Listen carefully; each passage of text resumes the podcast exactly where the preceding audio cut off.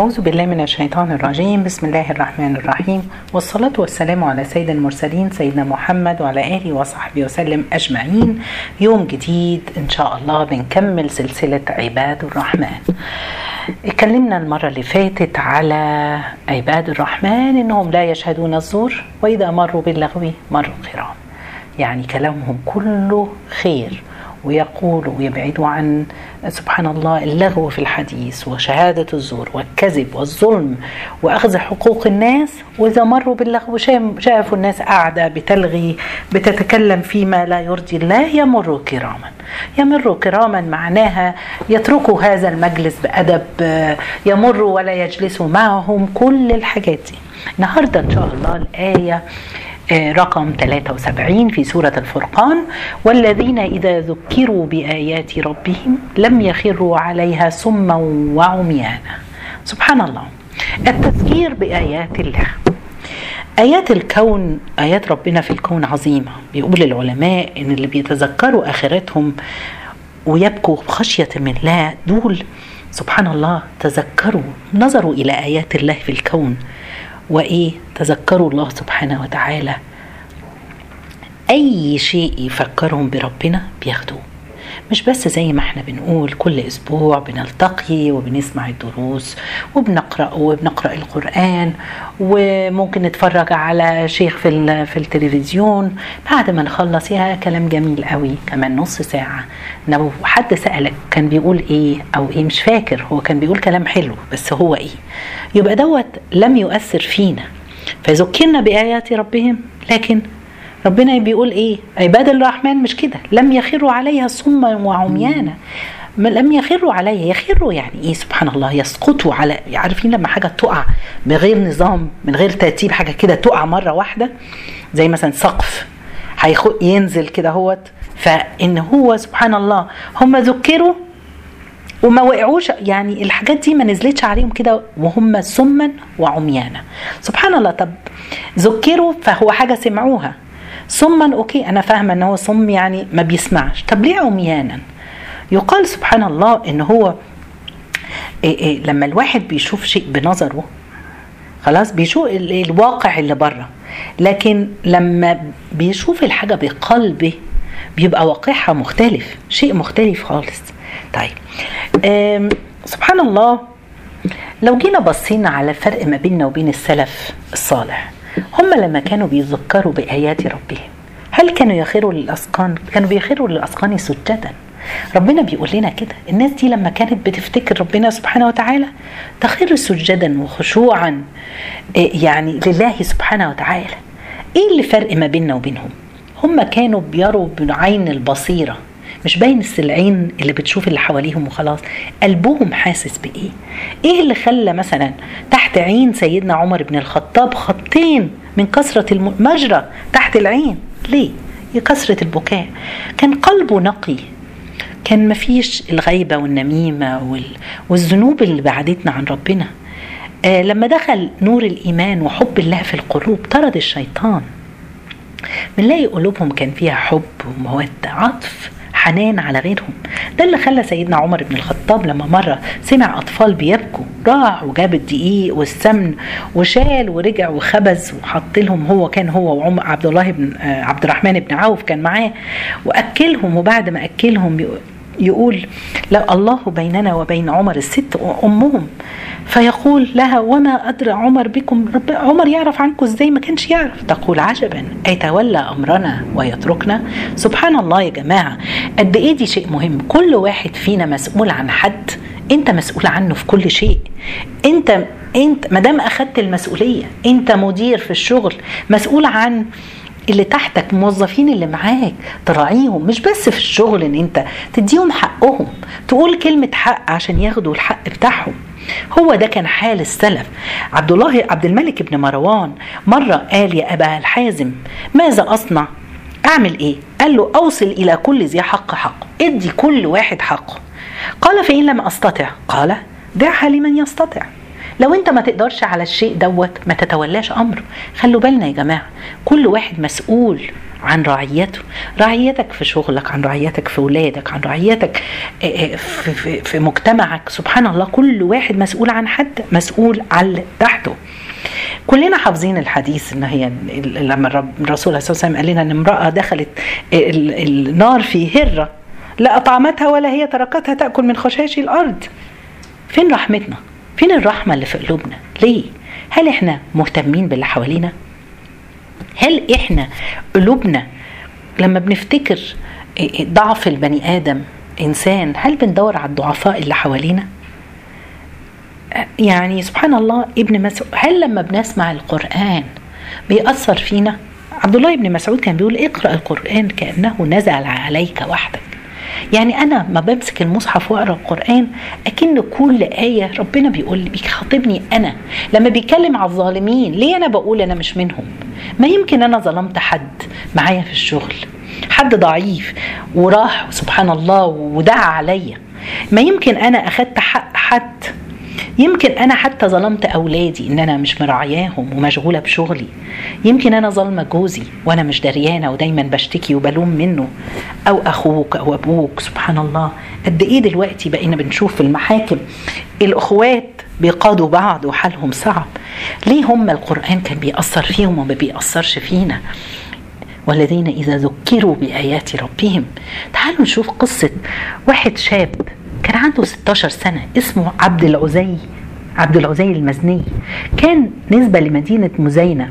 دي كانت على حدود مكة في طريقهم للمدينة. الولد ده كان أبوه وأمه ماتوا وهو صغير وعمه تولاه وكان شاب مميز. الشاب ده كان يلبس شيك وغالي كان الشاب الوحيد اللي يملك فرس. في الوقت اللي كل أفضل شاب في مزينة كان يملك بغلة صغيرة. كان عمه من سادة مزينة. قصة إسلامه من أجمل قصص إسلام الصحابة وأغربها.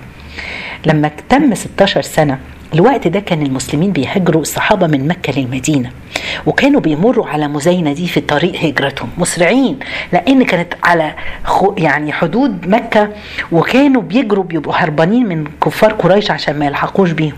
ففي يوم قابلوا واحد من الصحابة وهو مهاجر عرض عليه الإسلام فأسلم فورا. طلب منهم أن يعلمه شيء من القرآن قال له لا مش هقدر عشان أنا خايف قريش يلحقوا بيا وسابهم. هل الواد ولد سبحان الله يعني خلاص طيب هشوف لا بقى كل يوم واقف على الحدود بتاعة المدينة يشوف أي حد من الصحابة مهاجر من مكة إلى المدينة ويمشي معاه لمدة 15 كيلو عشان يحفظه يسمع له شيء من القرآن يقرأ له شيء من القرآن. إحنا القرآن في إيدينا مصاحف في بيوتنا مليانة بدل الواحد عشرة. معانا على الابليكيشنز في موبايلاتنا بنقرأ القرآن. ولا بيعدي اليوم ورا التاني ولا العاشر ورا الشهر.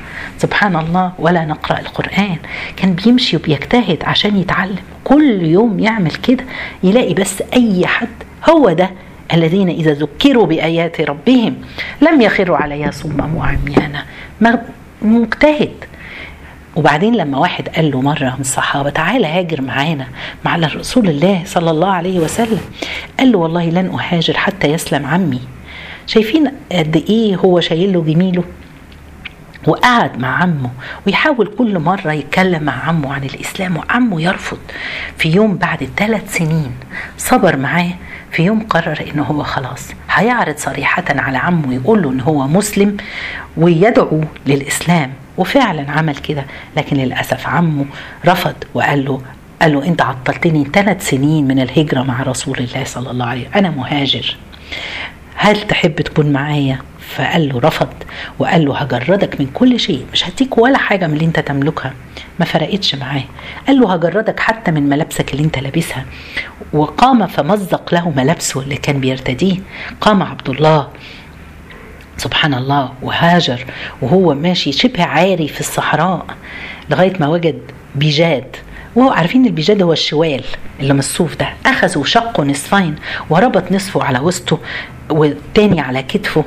ولما دخل وصل المدينة دخل على رسول الله صلى الله عليه وسلم. فسألوا الربي من أنت؟ فقال أنا عبد العزي. فقال النبي ليه ما تلبس هكذا؟ لابس لي كده. فحكى له قصة سبحان الله. فالرسول عليه الصلاة والسلام قال له أنت من اليوم عبد الله ذي البجادين. يمكن سمعنا اسم ذي البجادين وليست ولست عبد العزى. فقال أبدلك هذين البجادين رداء في الجنة تلبس منه حيث تشاء. سبحان الله كل إنسان بيضحي بحاجة في الدنيا في سبيل الله ربنا بيبدله خير منها. وقعد وعاش وكان فقير وعاش سكن في مساكن أهل الصفة مساكن الفقراء. بعدها لما كان عنده 23 سنة في غزوة تبوك خرج مع الرسول عليه الصلاة والسلام وسأل الرسول يا رسول الله ادعي لي أموت شهيدا. فيرفع النبي يده ويقول اللهم حرم دمه على سيوف الكفار. فيقول عبد الله يا رسول الله ما ما ما, ما هذا ما, ما, ما هذا الذي أردت؟ أنا ما عدتش كده. فقال له رسول الله سبحان الله إن من عباد الله من يخرج في سبيل الله فتصيبه الحمى فيموت يمرض ويسخن ويموت فيكون شهيدا. وإن من عباد الله من يخرج في سبيل الله فيسقط عن فرسه فيموت فيكون شهيدا. ولعلك تصيبك حمى فتموت. سبحان الله وفعلا حضر غزوة تبوك مع الرسول عليه الصلاة والسلام وانتصر المسلمين وفي الطريق عودتهم بالفعل بتصيب عبد الله حمى شديدة ويبدأ يتألم وآلام الموت. يحكي عبد الله بن مسعود قصة موت عبد ذي البجادين. يقول كنت نائما في ليلة شديدة البرودة والظلام شديدة الظلام والبرودة وأنا نايم سمعت خارج الخيمة صوت حفر فعجبت فخرجت فاستيقظت بص لقيت بحثت عن النبي وعن أبو بكر وعمر في خيمهم لم أجدهم فتعجبت. أين ذهبوا فخرج من خيمته. فإذا أبو بكر وعمر بيمسكوا سراج والنبي صلى الله عليه وسلم هو بنفسه بيحفر قبر فذهب إليه ويحفر فرفع وجهه الشريفة. فإذا عين الرسول تبكي وقال ما مات أخوك ذو البجادين. فنظرت إلى أبي بكر وقلت أتترك رسول الله يحفر وتقف أنت بالسراج؟ فقال أبى النبي إلا أن يحفر له قبره بنفسه. إيه ده؟ إيه الإخلاص اللي جواك ده يا ذي البجادين رسول الله بنفسه. وسبحان الله بعد ما حفر قبره سأل أبو بكر وعمر أن ينزل الجثمان برقة. سبحان الله. ودفنوا الرسول عليه الصلاة والسلام. قبل ما يحط جثمان ذي البجادين نزل إلى قبر واضطجع بجسده الشريف ليكون قبر رحمة. يا ورفع يديه لأبو بكر وقال لهم ادنوا أخ إلي أخيكما أخوكما فرفقا إن سبحان الله.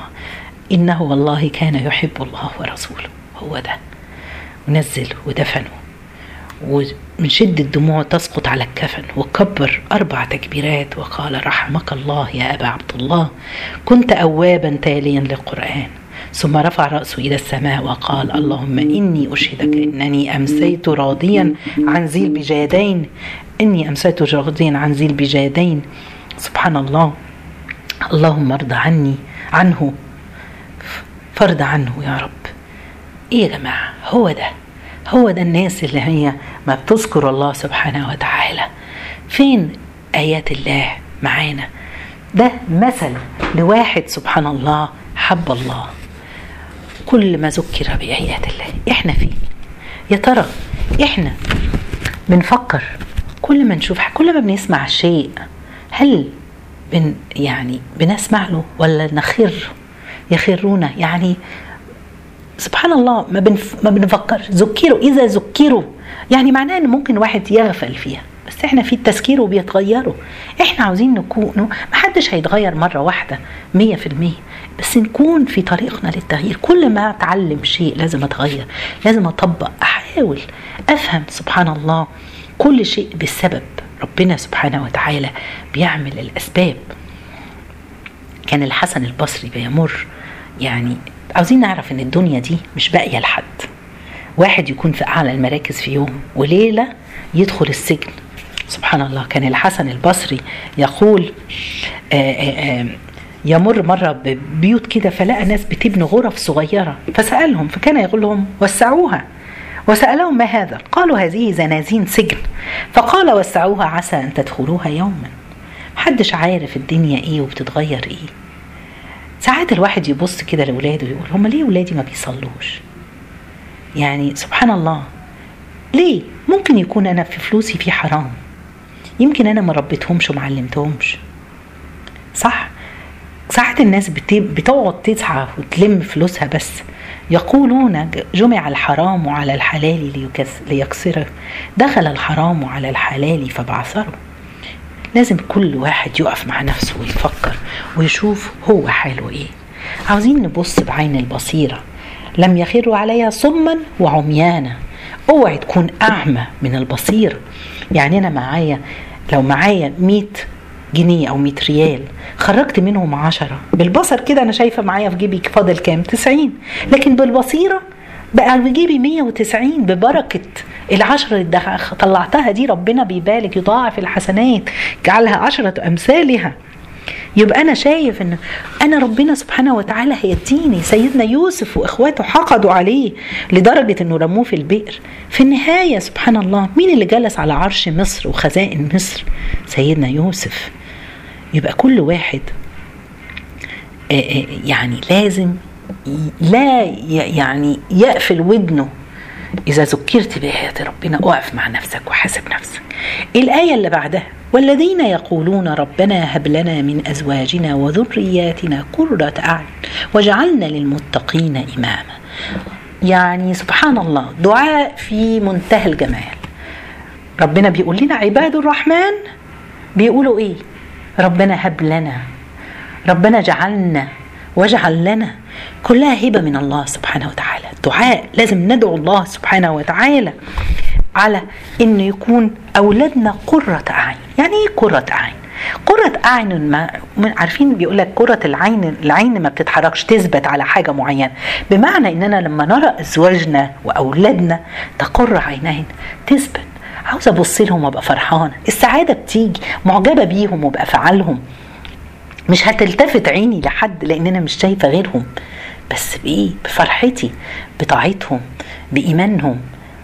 والدعاء سبحان الله.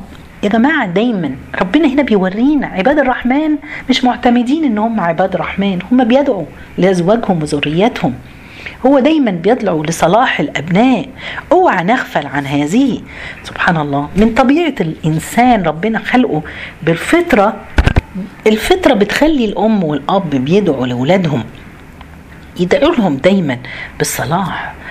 مرة أكبر رجل على راح يزور حذيفة رضي الله عنه. فطرق الباب فقالوا له إن هو في المسجد ما رجعش من الصلاة. ذهب إلى المسجد وإذا حذيفة ما زال يصلي السنة بعد الصلاة. وعنده ولد صغير حذيفة قاعد ينتظر أباه في طرف المسجد عشان يعودوا مع بعض للبيت. فلما انتهى من الصلاة التفت وإذا صاحبه ينتظره فقال حذيفة لهذا الرجل إني لا أزيد في صلاتي من أجل ولدي هذا أنا بزود في صلاتي وبدعي وبصلي سنن وبسكت وبدعو ربنا. ليه؟ عشان ولادي ربنا يحمي لي ولادي ويبارك لي فيهم ويحفظهم. ما قالش حذيفة إن أنا صحابي ولدي ده تابعي والمجتمع بيساعد اللي إحنا عايشين فيه. لا إني لأزيد في صلاتي أكثر من أجل أن يصلح الله هذا الولد. إحنا بنعمل إيه؟ هل إحنا بنجتهد في صلاتنا؟ هل بنجتهد في دعائنا لاولادنا مش عاوزين ننسى. الدعاء في الصلاة يا جماعة في السجود. يعني ساعات إحنا دلوقتي ما بقيناش نصلي السنة لا اصلها سنة. يعني أكنها مش مهمة مش لازم. ليه أولادنا مش بيصلوا؟ ليه ليه؟ سؤال كل واحد عنده ابنه أو بنته ما بيصلوش يسأل نفسه. هل أنا اجتهدت من صغرهم عشان أوريهم الصلاة وأعلمهم الصلاة وأحببهم في الصلاة؟ ما أصل في ناس برضو طريقتها بتكرههم. لازم نعلم ولادنا من الصغر وعشان كده ربنا قال لما كان بيتكلم على سيدنا إسماعيل واذكر في الكتاب إسماعيل إنه كان صادق الوعد وكان رسول النبي. كان بيعمل إيه؟ وكان يأمر أهله بالصلاة والزكاة وكان عند ربه مرضيا. ربنا رضي عنه لما إيه؟ لما شايفين قارنها رضا الله بإيه؟ إنه كان يؤمر أهله بالصلاة والزكاة. يا ترى إحنا بنؤمر أولادنا؟ بنعلمهم وبنكون قدوة؟ سبحان الله. بل الصالحين كانوا بيدعوا لاولادهم من أول ما يتولدوا بل كمان من قبل ما يولدوه زي أم مريم. وإني أعيذها بك وذريتها من الشيطان الرجيم. ربنا بعد كده بيقول فتقبلها ربها بقبول حسن وأنبتها نباتا حسنا. يا رب تقبل أولادنا يا رب تقبل اجتهادنا. يا جماعة لازم نجتهد. سيدنا زكريا كان بيدعو ربنا من قبل ما تحمل زوجته ويقول ربي هب لي من لدنك ذرية. طيب إنك سميع الدعاء. ربنا بيسمع الدعاء. ما انتظرش لغاية ما مراته تحمل ولا ولدت. كل واحدة تسمعني.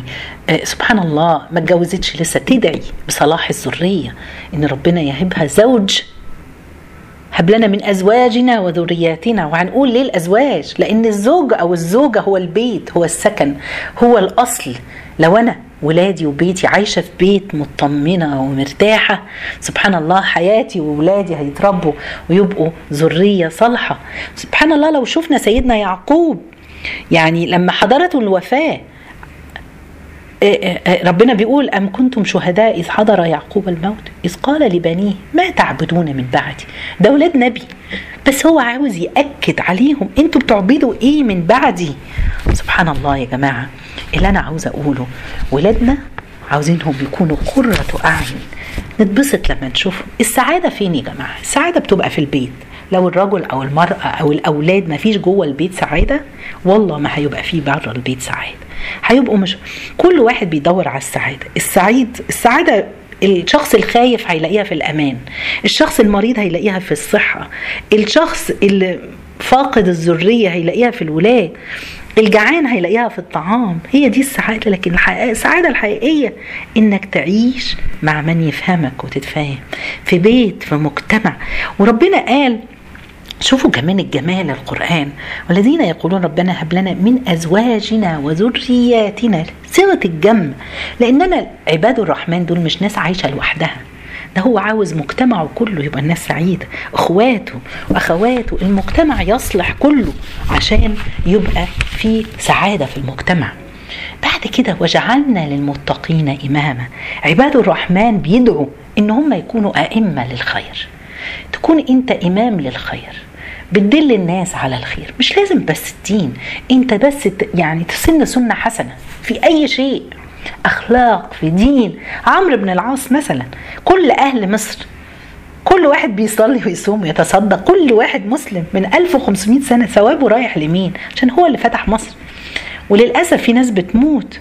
بس يعني الجمال إن في ناس بتموت وحسناتها مستمرة بعد ما مات وللأسف في ناس بتموت وسيئاتها شغالة بعد ما مات. اللي أنا عاوز أقوله يا جماعة كل واحد فينا أب وأم. أنت إمام مسؤول عن رعيتك عن ولادك. بس أهم حاجة حتى كلمة اماما تكون قدوة ومثل مش بالكلام بس. نعرف نعلم ولادنا نعرف نستغل كل موقف وكل لحظة تحصل معانا ونوريها كمثل قدام ولادنا زي ما بيقولك في الإنجليزي lead by example لازم تكون مثل قدام ولادك مرة واحدة ست بتحكي أم بتقول كان يوم أخويا كلمني في التليفون وقال لي أنا هاجي أزورك أنا ومراتي. فدخلت تشوف عندها إيه ست على قد حالها. فلقت عصير فراحت صبة كوبايتين هم دول بس اللي عندها. فقالت الحمد لله قضوهم لما يجوا. لما جاء أخوها ومراته اتخضت لما لقت حماته حمات أخوها جاي معاه. تعمل إيه؟ دخلت تجيب فراحت مالية كوباية تالتة مية وحطت الكوبايتين العصير قدام مرات أخوها ومامتها وحطت قدام أخوها المية. قالت له أنا عارفة أنت بتحب 7 Up هتعمل إيه؟ فالمهم أخوها مسك الكوباية وشرب لقاها مية. حس إن في حاجة. فحماته بتقول له ما تديني أنا آخد ال Seven Up وأنت خدها. لا لا طب هدخل أجيب لك إزازة من جوه. دخل جوه فبتقول لك هي ما بقتش عارفة تعمل قاعدة مرتبكة. وبنتها قاعدة جنبها بنت عندها 13 سنة يمكن. فقاعدة برضو البنت مش عارفة هيحصل إيه ما عارفة إن مفيش عصير. خرج وهم قاعدين سمعوا حاجة اتكسرت. في المطبخ. فأخوها طلع قال لها أنا آسف أنا كسرت الإزازة ال Seven Up آخر إزازة عندك. أنا هنزل أشتري لك يا حماتي من تحت من السوبر ماركت قالت له لا لا لا والله ما أنا عاوزة خلاص أنا هاخد العصير. اخذت العصير. ويا عيني الأخت يعني حست كده براحة. لما حصل كده بعد كده هو أخوها أخدوا قعدتهم وهو ماشي. راح حضنها وبسها واداها فلوس في ايديها كده من غير ما حد يشوف. وهو ماشي بصوت عالي قال لها وبينضفي المطبخ أحسن السيفن اب اللي مدلوق ده يجيب نمل ولا حاجة. بعد ما مشيت قعدت الأم توري لبنتها تقول لها شايفة الأخوات؟ شايفة أخويا عمل إيه معايا؟ دار عليا وساعدني. وشوفي كمان اداني. لازم الأخوات. هو ده. أما أنا أقول لاولادي لازم تحبوا بعض. ويشوفني إن أنا متخانقة مع أخويا ولا عمتي ولا جوزي متخانق ولا أنا متخانقة مع أخت جوزي إزاي أنا هكون قدوة ومثل لاولادي لازم أكون إماما لهم.